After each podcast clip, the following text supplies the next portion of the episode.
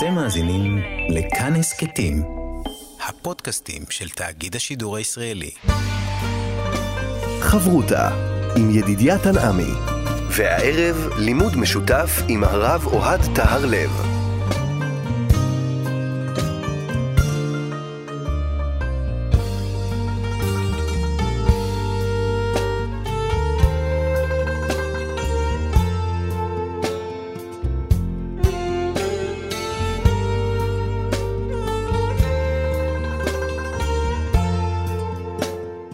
שלום כאן מורשת חברותא לימוד משותף עם רבנים ואנשי חינוך בנושא תנ"ך, הלכה ואמונה. הפעם אנחנו לומדים אגדה יחד עם רב אוהד תהרלב, ראש מדרשת אות רידנבאום, רבני בית הלל, כאן ליד המיקרופון. ידידיה תנעמי, שלום לך, הרב אוהד תהרלב. שלום לך ידידיה, לך ולמאזינים. אנחנו רוצים uh, לעסוק בענייני כבוד, בקונפליקט, עד כמה צריך לכבד uh, אדם, ובסופו של דבר גם להבין ממה נובע הכבוד? למה בעצם הכבוד הוא חשוב מאוד? מי לא רוצה כבוד? Mm. מי מאיתנו לא אוהב כבוד? אה, ובאמת ההגדה שלנו היום עוסקת בסוגיה של כבוד, אה, כיבוד הורים. המושג כיבוד הורים, יש מושג כזה, לכבד הורים, לכבד תלמידי חכמים, לכב... כבוד השם. כבוד קיים, יש ביהדות כבוד, ובתוך הסוגיה של כיבוד הורים, הגמרא מביאה במסכת קידושין, בדף ל"ב עמוד א', אה, האם לאב מותר למחול על כבודו? זאת אומרת שהוא מוותר על הכבוד ואומר לבנו, אתה לא צריך לכבד אותי. אמר רב חיסדא, האב שמחל על כבודו, כבודו מחול. לעומת זאת, הרב שמחל על כבודו, אין כבודו מחול. גם על הדעה הזאת יש חולקים, ורבי יוסף טוען שגם הרב שמחל על כבודו, כבודו מחול. מאיפה הוא לומד את זה? מהפסוק והשם הולך לפניהם יומם. הנה, הקדוש ברוך הוא, בכבודו ובעצמו, הוא מראה להם את הדרך. כן, משרת אותם. משרת אותם. שואל על זה רבא, אני לא מבין. התורה היא שייכת לקדוש ברוך הוא, לכן הקדוש ברוך הוא מוחל. אבל החכם, התורה שלו, היא לא שלו. זה לא הכבוד שלו, זה הכבוד של התורה. אחרי זה אמר רבא, רגע, האמת היא שכן, כתוב ובתורתו יהגה יומם ולילה. אז זה באמת אה, התורה שלו, אז הוא יכול באמת גם למחול על כבודו, כי זו התורה שלו. כן. ואז הגמרא מביאה כמה סיפורים על חתונות שישבו שם חכמים וכן כיבדו את רבם, לא כיבדו פעם אחת, הם הקפידו, אה, ופעם אחת הוא לא הקפיד, אה, והיא מביאה כמה דוגמאות, שבכל מקרה, גם אם הם לא היו צריכים והם אכלו על כבודם, היה ראוי לכבד. ואז הגמרא אומרת, מביאה סיפור מאוד מעניין של הנשיא. זאת אומרת, רב אשי טוען שאפילו מי שאומר שרב שמחל על כבודו, כבודו מחול, הנשיא, כבודו לא מחול. והגמרא מספרת סיפור. מעשה ברבי אליעזר, ורבי יהושע, ורבי צדוק, שהיו מסובין בבית המשתה בנו של רבן גמליאל. זאת אומרת, בנו של רבן גמליאל מתחתן, הוא מזמין את כל החכמים לשמחה, כולם באים, שותים, רוקדים. והיה רבן גמליאל עומד ומשקה עליהם. הנשיא. הנשיא בכבודו ובעצמו. מחתן את הבן שלו, מסתובב עם כמה בקבוקי ויסקי אולי, כמה בקבוקי שתייה, ומפציר במוזמנים שלו, תשתו, תאכלו. והוא מגיש כוס משקה, כוס יין, נתן הכוס לרבי אליעזר ולא נטע לו. לא נעים לו. הנשיא משרת אותי, כאילו שאנחנו מוזמנים לחתונת uh, הנשיא הרצוג. והוא בכבודו ובעצמו קם ו- ומכבד אותנו. נתנו לרבי יהושע וקיבלו. זאת אומרת, רבן גמליאל לא מתווכח אם אתה לא רוצה, לא צריך. לעומת זאת, רבי יהושע קיבלו. אמר לו רבי אליעזר, מה זה יהושע? אנו יושבים, ורבן גמליאל עומד ומשקה עלינו? לא מכובד, איך אתה מקבל? לא נעים, מביך. אומר לו רבי יהושע, אמר לי, מצינו גדול ממנו ששימש. הוא לא הראשון שמכבד את הנתינים שלו, או את בעלי המרות שלו, אה, שהוא משמש אותם. אברהם גדול ממנו ושימש. אברהם גדול הדור היה, וכתוב בו והוא עומד עליהם. זאת אומרת, מגיעים שלושת המלאכים אל אברהם, הוא יושב בפתח האוהל, הוא רץ אליהם, מזמין אותם, והוא מתחיל לשרת אותם. מכין להם, רץ לחפש איזשהו בשר טוב, אומר לאשתו לושי והסיוגות. בקיצור, טורח ארוחה חבל על הזמן. וצריך לזכור שאברהם גם היה נקרא שם נשיא, נשיא אלוהים אתה בתוכנו. נשיא הנה. אלוהים, אולי האדם הכי מכובד עלי אדמות, והוא עומד עליהם. הם יושבים, נחים מהדרך, והוא עומד עליהם, הנשיא עומד עליהם. וממשיך רבי יהושע ואומר, ושמא תאמרו כמלאכי השרת נדמו לו. שהוא ידע שהם מלאכים. ולכן הוא מכבד אותם. לכן הוא מכבד אותם, כביכול הם אנשים יותר מכובדים ממנו. לא נדמו לו אלא לערבים.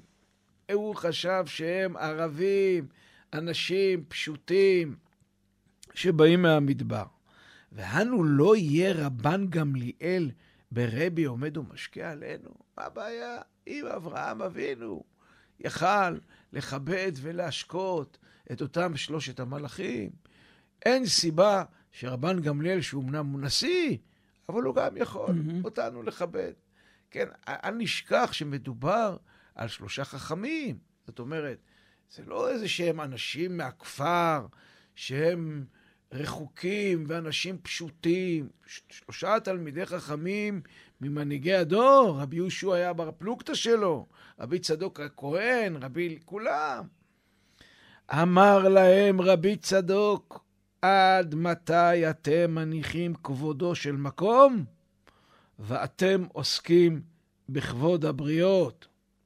הקדוש ברוך הוא משיב רוחות ומעלה ניסים, מוריד מטר ומצמיח אדמה, ועורך שולחן לפני כל אחד ואחד? ואנו לא יהיה רבן גמליאל ברבי עומד ומשקיע עלינו. אם הקדוש ברוך הוא בכבודו ובעצמו משרת אותנו, דואג לנו לכל מחסורנו, רבן גמליאל לא יכול לעמוד ולשרת אותנו? ודאי שכן. מעניין שכאן לא רואים שרבן גמליאל מוזג לרבי צדוק, אבל... הוא ישר הוא... נכנס. בדיוק. זאת אומרת, הם התחלקו לשניים נגד אחד. רבי אליעזר סירב, רבי יהושע קיבל, רבי צדוק לא רואים שהוא מוזג, אבל הוא הסכים בוויכוח עם רבי יהושע. כן. והגמרא באמת מגיעה למסקנה ואומרת, אם ככה, טוען רב אשי, גם נשיא שמחל על כבודו, כבודו מחול. לעומת זאת, מלך שמחל על כבודו, אין כבודו מחול. זאת אומרת, הגמרא מניחה הנחת יסוד שחוץ ממלך, כולם יכולים למחול על כבודם. אבל יש מלך שהוא לעולם לא יכול למחול על כבודו. וזאת אגדה מקסימה. יש לנו כמה שאלות ככה לשאול על האגדה הזאת. שאלה ראשונה, מה המשמעות שכל הקונפליקטים של כבוד קורים דווקא בבית המשתה באירוע של חתונה? כלומר, התפאורה הזאת, שדווקא חתונה, היא זו שמביאה למתח הזה של הכבוד. נכון, נכון. המשתה הזה. מה פשר ההשוואה להכנסת אורחים של אברהם עם הסיפור של המלאכים? זה לא סתם הוא מצא דוגמה כנראה יש קשר מהותי בין שני הסיפורים. מה המשמעות הסמלית של הדוגמאות שמביא רבי צדוק במעשיו של הקדוש ברוך הוא, כן? משיב רוחות, מעלה ניסיים, שלכאורה זה זועק לנו פה, כרבן גמליאל נשיא, מוריד מטר, מצמיח אדמה. מה מוסיף רבי צדוק על דברי רבי יהושע? מה, מה, למה הוא צריך להגיד את זה? די, רבי יהושע היה משכנע דיו. האם באמת רבי אליעזר ורבי יהושע הניחו את כבודו של מקום? זאת אומרת, רבי צדוק אומר להם, עד מתי אתם מניחים את כבודו של מקום ועוסקים בכבוד הבריות? למה הם, הם הניחו את כבוד המקום? בכלל לא. הם עסקו בעניין של כבוד, של המרות הגבוהה ביותר, הסמכותית שיש פה, וכרגע זה הנשיא. Mm-hmm. מה פתאום הוא מכניס לנו את האלמנט הזה, שאנחנו בעצם, הם מניחים את כבודו של מקום. שאלה נוספת, מה ניתן ללמוד ממבנה הסוגיה? זאת אומרת, כמו שאמרנו, הסיפור הכללי שלנו זה כיבוד אב, כיבוד הורים, שבתוכו מתחיל הסיפור על אב שמחל על כבודו, ואופס, קופצים לקונפליקט בין כבוד אב וכבוד הרב. נשיא, וכבוד מלך. הנשיא.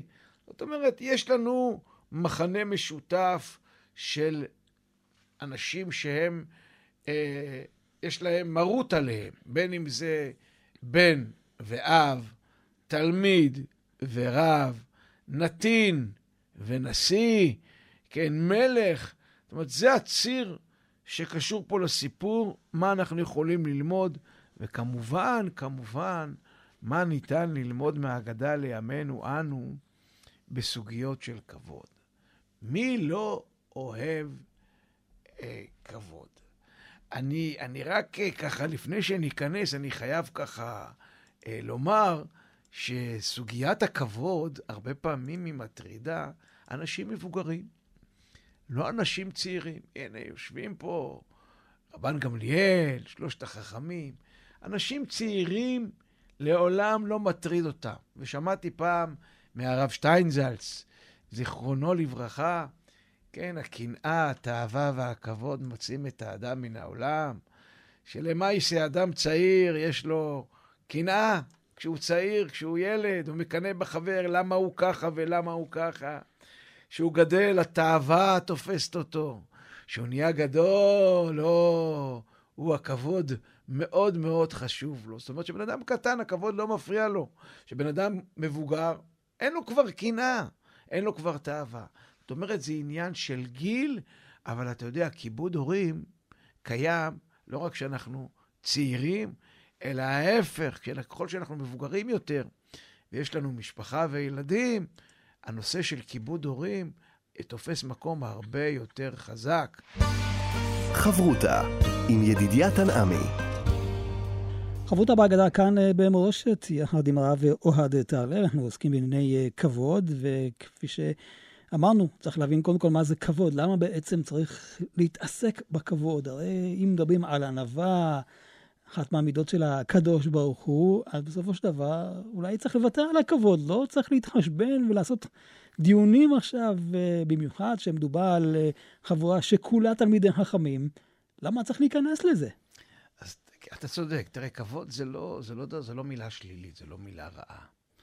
ביהדות יש יחס אמביוולנטי לנושא של הכבוד. מצד אחד, כמו שאמרנו מקודם, הקנאה, התאווה והכבוד מוציאים את האדם מן העולם. מצד שני, יש מושג שקוראים לו כבוד הבריות. זה מושג שהוא מאוד חשוב בשיקולים הלכתיים שונים, הרבה הלכות מבוססות עליו. ואני חושב שיש להבחין בין כבוד שאדם דורש מאחרים, שזה נובע מגאווה, אגו מנופח, לבין הכבוד שאדם חולק לעצמו ולאחרים, שזה מבטא דווקא מעלה חשובה. זאת אומרת, מה זה בעצם כבוד? יחס של כבוד כלפי אדם, כלפי חפץ ומעמד, מבטא את ההכרה שאותם דברים לא סתם. יש בהם משהו מעבר לקיומם החומרי. כן, מעבר לכובד שלהם. כבוד זה משהו ש... ששוקל. כן. כן? אה, הכבוד תמיד מבטא איזושהי התנהגות שמכבידה על, על האדם. אין לו שום תועלת, שום הנאה מוחשית. כן? כי, כי זה בדיוק הכבוד, הוא, הוא משהו עצמאי, ערך בפני עצמו, שאין לו שום אינטרס. זאת אומרת, אולי אינטרס שנובע מתוך זה, אבל זה לא תגיד כמו תאווה שאולי בן אדם נהנה, תאוות אכילה, החייך שלו נהנה, יש לו ממש, הוא מרגיש את ההנאה הגשמית. פה, מה הוא מרגיש? הוא מרגיש שמכבדים אותו. או, הוא מרגיש ש, שלכאורה יש לו יותר מקום, נותנים לו מקום יותר חשוב. אם איזה חיה, איזה קוף היה מתבונן, הוא היה, היה איזה אנשים משוגעים, כמה הם רצים, כמה הם עסוקים, כמה הם, אה, במה הם לובשים, איך הלבוש שלהם נראה. Mm-hmm. תראה, הגמרא מספרת, הגמרא אומרת, חז"ל דיברו על בגדים, דיברו על, על, על, על אה, כבודי, על הכבוד. זאת אומרת, הבגד הוא נחשב, היה נחשב, קראו לו כבוד, כי הוא בעצם מכבד את האדם. כמה כסף אנשים מבזבזים על קניית בגדים, הרי היינו יכולים להסתפק בשתיים, שלוש חולצות, שלא נדבר על נשים שמוציאות כל כך הרבה כספים. כן, העסק הזה מכביד. העיסוק באיך אני נראה ואיך אני אתפס. מצד שני הוא מגדיר, כי למשל מדים של שוטר, של חיילים, או, או שכל דבר ייצוגי אחר, הוא נותן את המקום וההגדרה של הערך של מה שמאחורי הבגד. זה בדיוק ההבדל בין אדם לבעל חי. בעל חי לא, אין לו בגדים. אדם, זה מה שמכבד אותו. אתה נראה שוטר, אתה נראה חייל, אתה נראה קצין, אתה הולך עם עניבה, אתה נראה חבר כנסת, אתה נראה אה, רב.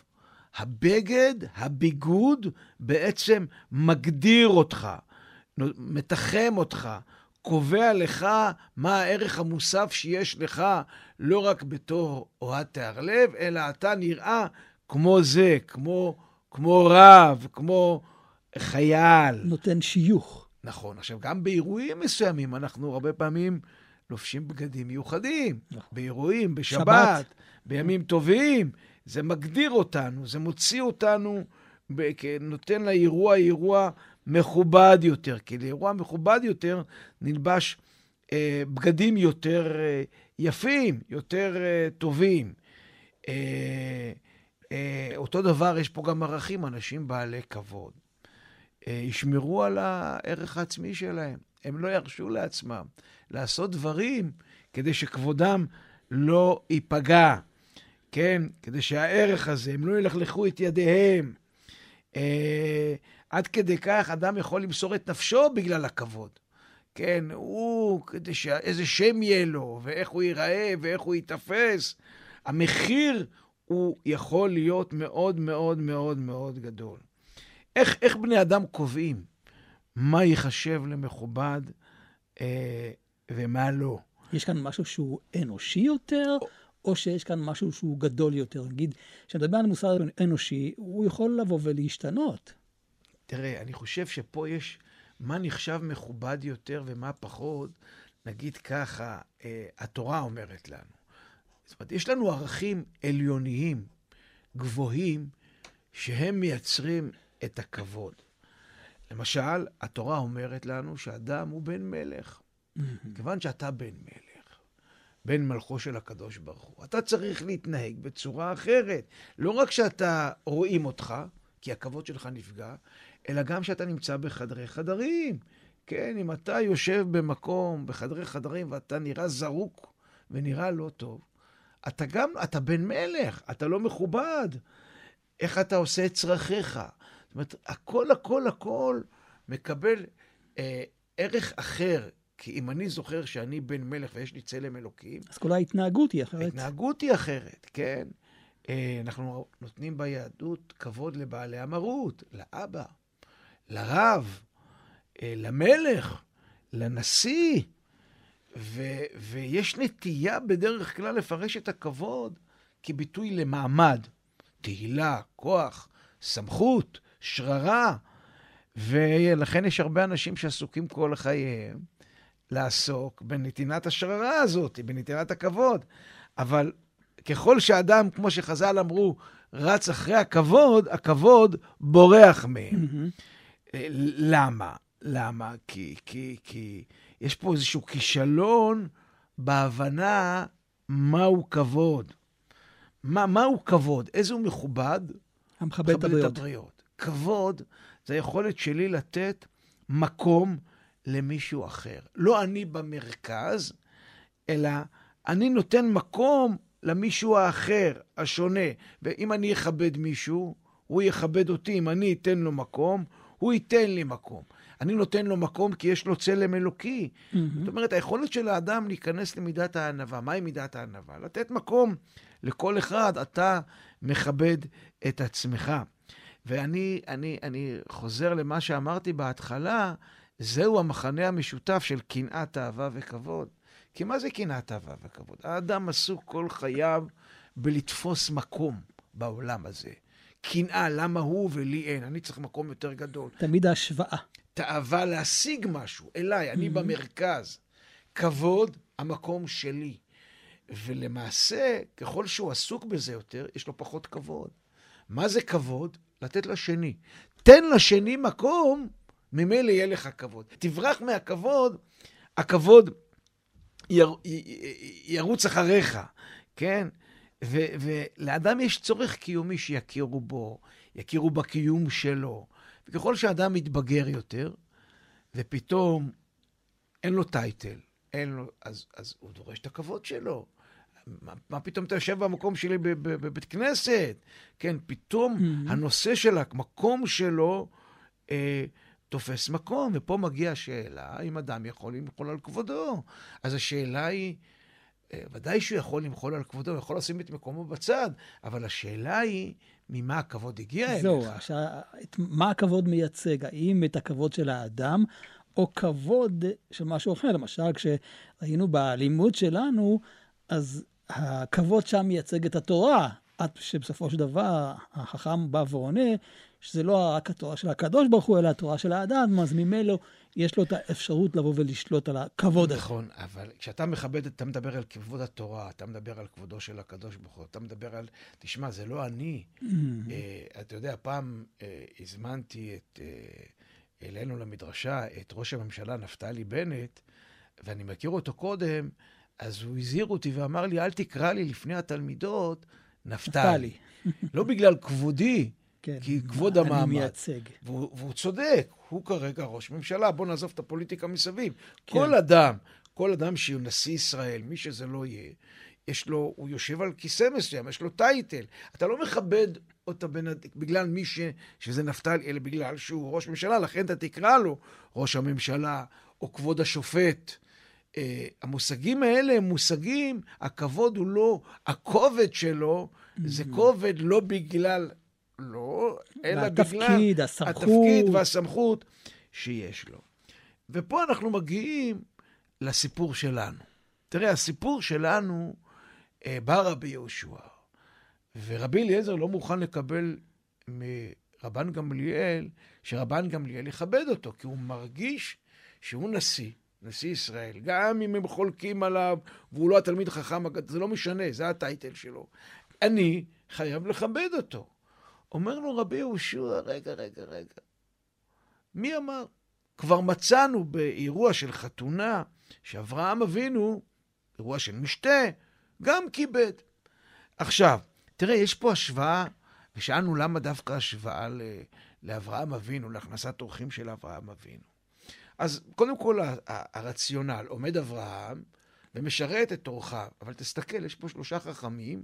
שלושה מול מלאכים. שלושה מלאכים. כן? אה, גם אה, בשלושת המלאכים כל אחד בא עם שליחות מסוימת, אחרת, וגם אצלנו, שלושת החכמים... דעות אחרות. כל אחד יש לו דעה אחרת, כן? רבי אליעזר מתנגד, רבי יהושע לוקח את הכוס, ורבי צדוק, לא כתוב, הוא כנראה מוכן, אבל יש לו פתאום אמירה אחרת. ובכלל, עצם הכנסת אורחים, תמיד בעל הבית משרת את אורחיו. גם פה הם היו אורחיו. של רבן גמליאל. של רבן גמליאל. כן, אז, אז, אז מה פתאום אצלנו זה יהיה שונה? עכשיו תראה, הקונפליקטים של הכבוד תמיד יהיו סביב הארוחה. אוכל זה מקום של מפגש. אוכל, סעודה היא מורידה מחיצות. ואז מתחילה השאלה, את מי אתה מכבד? את מי תכבד בזימון? האם בעל הבית יכול להגיש לך? וכשמזמינים אורחים, נותנים להם לאכול. Mm-hmm. זאת אומרת, אוכל הוא דווקא מקום... מחבר. ש- שהוא מחבר, הוא מוריד מחיצות, אבל הוא גם מייצר את ה... את ה לפעמים את ההזדמנות לכבד. הזאת של ה distance, כן יש distance, mm-hmm. אין distance. המקבילה לארוחה זה הקרבת קורבן. אתה בא לבית המקדש, אתה אוכל קורבן, אתה מביא חלק לכהן, חלק, חלק לך. ו, ו, ולמעשה, בטח כששותים יין, כמו בחתונה, יין הוא מוריד מחיצות. כן. אה, אחד, אחד מתנגד לשירות, השני מוכן, והשלישי לוקח אותנו בכלל לקדוש ברוך הוא. עכשיו, גם בהכנסת אורחים יש לנו את הקדוש ברוך הוא. אצל אברהם אבינו. אצל אברהם אבינו, הקדוש ברוך הוא מדבר איתו קודם. זאת אומרת, אומר להם רבי צדוק, עד שאתם מדברים איתי על, אה, על, על, על, על אברהם אבינו, יש פה מרות יותר גדולה. כי הוא אומר לו, אל נא תעבור נא מעל עבדיך. וחז"ל אומרים, גדולה הכנסת אורחים מקבלת פני השכינה. זאת אומרת, אומר בעצם רבי צדוק, כביכול, הקדוש ברוך הוא למעשה משרת אותנו גם כן. אבל השאלה שמתעוררת פה, מה הוא מוסיף? למה הוא זורק אותנו לקדוש ברוך הוא? מה, מה רע במה שרבי יהושע אמר? זה לא מספיק. אברהם אבינו נשיא, כן, נשיא, קרוי כנשיא. אי אפשר, אי אפשר, זה לא מספיק בשביל להסתמך עליו שעכשיו אנחנו נהנה אה, ולא צריכים את ה... לכבד את אה, רבן גמליאל. חברותה עם ידידיה תנעמי. חברותה בהגדה כאן אה, במורשת יחד עם הרב אוהד טהרלב, ועכשיו אנחנו מנסים להבין לאן לוקח אותנו רבי צדוק. הוא לוקח אותנו למקום גבוה יותר, אל הקדוש ברוך הוא, הוא לא מסתפק בדיונים של אברהם אבינו, ולוקח אותנו באמת למקום שצריך להבין אותו. תראה, רבי צדוק אומר לשני חבריו, עד מתי אתם מניחים כבודו של מקום, ואתם עוסקים בכבוד הבריות? איפה, איפה הם מניחים כבודו של מקום? כן, הם לא מזלזלים הרי. כן, למה, למה, מה פתאום, איפה, איפה, איפה הם זלזלו? איפה, איפה הם הניחו? מה, מה הוא רוצה להגיד להם? למה הוא מכניס אותו בעצם את הקדוש ברוך הוא בכבודו בעצמו, בדיוק למשוואה נכון. הזאת. תראה, והוא אומר, הקדוש ברוך הוא משיב רוחות ומעלה ניסים. כן, אה, מעלה ניסים, לכאורה רמז לרבן גמליאל. אה, מוריד מטר ומצמיח אדמה, ועורך שולחן לפני כל אחד ואחד, ואנו לא יהיה רבן גמליאל. לכאורה, הפשט, אם הקדוש ברוך הוא טורח לנו, אז בטח ש... ואנחנו אה, אוכלים ושותים, ואנחנו לא נמנעים מכל ההנאות שהוא נותן לנו, אז למה שנימנע מרבן גמליאל? לכאורה כאן יש שאלה הפוכה. איך רבי צדוק בכלל משווה את רבן גמליאל לקדוש ברוך הוא? זה שני דברים שונים לגמרי. נכון. אז, אז הוא לוקח אותנו, אני חושב, ל, ל, לסיפור אחר. ראשית, הוא בכלל לא עושה השוואה לרבן גמליאל. זאת אומרת, הוא לא רוצה להגיד שהנה רבן גמליאל הוא כמו הקדוש ברוך הוא. הוא אומר, הקדוש ברוך הוא, יש מצבים, הקדוש ברוך הוא מנהל את עולמו. זה לא שהוא משרת אותנו. ככה הוא מנהל את עולמו, הוא מחלחל את העולם, הוא לא חייב לנו כלום.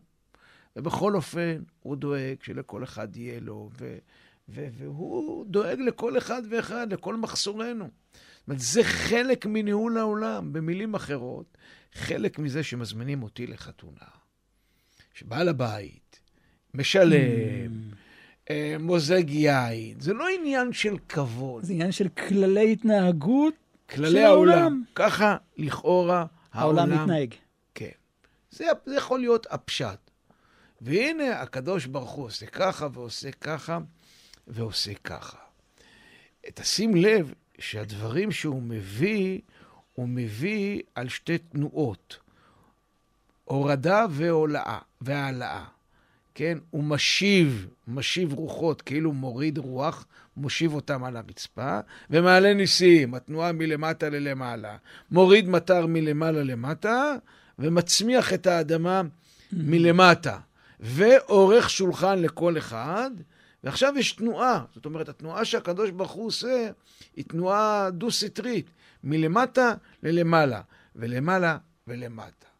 ופה יש רמז, אני חושב, לדבר מאוד עמוק שלא היה קודם. פה מי שבא רבי צדוק ושם ואומר, עד מתי אתם מניחים כבודו של מקום ועוסקים בכבוד הבריות, הוא למעשה טוען, רבותיי, פה יש שאלה מאוד עמוקה. איפה הפוקוס? הפוקוס בקדוש ברוך הוא, או הפוקוס באדם? אני, אני, אני קודם כל רוצה להציג את זה בצורה הפש, הפשוטה. שאני מכבד את האבא. חובות, חובות האבא על הבן, כן? איפה הדגש? על האבא או על הבן? העניין הוא, אני, האבא הוא המרכז, ולכן הבן צריך לכבד אותו? לא, הבן הוא המרכז. עניין חינוכי, עניין זה, מי פה במרכז? האבא או הבן? ו, ופה יש שאלה מאוד עמוקה. מי במרכז, הקדוש ברוך הוא או האדם? ואני רוצה קצת אה, לחזור לנושא של כיבוד הורים, חובות האב על הבן, כן? אה, בדיוק בסיפור הזה. הרבה פעמים אנחנו חושבים ש... מה זאת אומרת? האבא הוא במרכז, איזה שאלה. זה נכון, האבא לכאורה צריך לכבד אותו, צריך שיהיה מורה, mm-hmm. אבל מה האבא היה רוצה? זאת אומרת, לפעמים הבן, בדרך כלל כל אבא נורמלי שאוהב את בנו, מוכן לשים את הכבוד שלו בצד, והעיקר שהבן שלו... יהיה לו טוב. יהיה לו טוב. האב שמחל על כבודו, כבודו מחול. נכון. זאת אומרת, זאת בדיוק השאלה. שאני, תראה, אני, אני רוצה לקחת אותנו לאברהם, אבל בסיפור אחר. פה יש את בשורת הבן. אה, ובשורת הבן פה מתחילה ככה למטה סיפור mm. כבר עקדת יצחק. וואו. כי בעקדת יצחק, האבא, כן, מתבקש לקחת את הבן שלו ולהקריב אותו. לאבא הגדול יותר, לקדוש ברוך הוא. ולכאורה, אה, האבא, הציווי של האבא, של הקדוש ברוך הוא, הוא הציווי הטוטלי. אברהם מרגיש שיש לו צורך להקשיב ולשים את, ה, את, את, את, את יצחק בצד ולשמוע בקול השם. אבל בסופו של דבר, הוא לא מקריב את יצחק. זאת אומרת, עקידת יצחק היא בדיוק הקונפליקט בין האל לאדם. בין האל שמייצג את הטוטליות לבין האדם שמייצג את האנושיות. ואוי ואבוי לנו אם אברהם היה מקריב את יצחק. הקדוש ברוך הוא אומר לו, רק אעלה ולעולה, אני רוצה לראות את המוכנות שלך. אבל בסופו של דבר, המר... מי במרכז? יצחק. יצחק לא הוקרב. האנושיות בקונפליקט בין האלוקות, האל לאדם, האדם זכה. זאת אומרת, האל רצה מראש כבר, מראש שיצחק לא יישאר בחיים, כי, כי, כי, כי, כי הוא בן אדם. זאת אומרת, הקדוש ברוך הוא בורא את העולם, והוא שם בעולם את האדם. והוא רוצה את כבודו של האדם. אדם מביא ילד לעולם. הוא רוצה שלילד שלו יהיה טוב. הוא שם אותו במרכז, אז נכון שצריך לכבד אותו. אבל בסופו של דבר, כשיש לי קונפליקט, מי במרכז? האדם או האל? כן. בא רבי צדוק ואומר, ריבונו של עולם, הקדוש ברוך הוא בכבודו ובעצמו, כן, מושיב רוחות, מעלה ניסים. הוא פותח שולחן לכל אחד ואחד. הוא רוצה שיהיה לנו טוב. הוא רוצה שנהנה מהסעודה הזאת של העולם הזה. אל תשכח, ואני חוזר לדימוי הקודם, אנחנו פה אורחים בעולם הזה. כמו שבעל הבית רוצה שלאורחים שלו יהיה טוב, כך גם הקדוש ברוך הוא רוצה שיהיה לנו טוב. ולכן אנחנו חוזרים לשאלה המאוד בסיסית שקיימת ברקע של הסוגיה של כיבוד הורים. שהאב הטוטלי הקדוש ברוך הוא מול האדם, מי פה במרכז? חובות האב על הבן בשביל האב או בשביל הבן? מי במרכז פה בסיפור? הרי לעולם לא נצליח, כמו שאומרים בכיבוד הורים.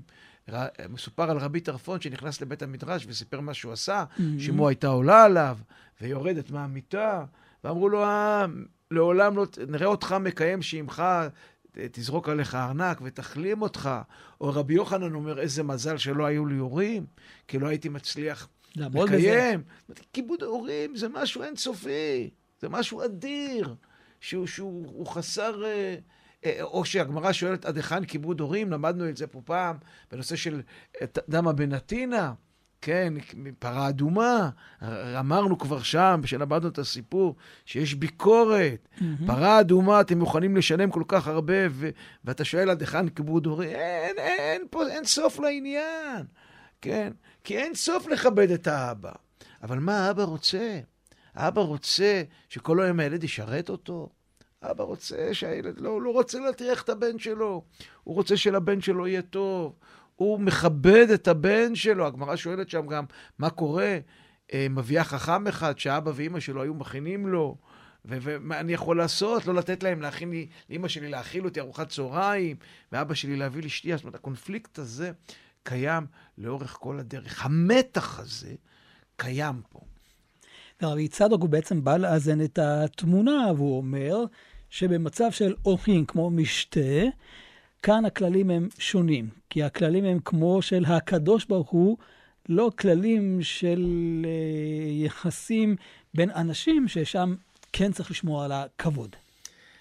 נכון, תראה, השאלה הזאת של הכללים היא גם שאלה שקיימת בחיים שלנו. כי גם בתור הורים, היום אנחנו חיים בדור mm-hmm.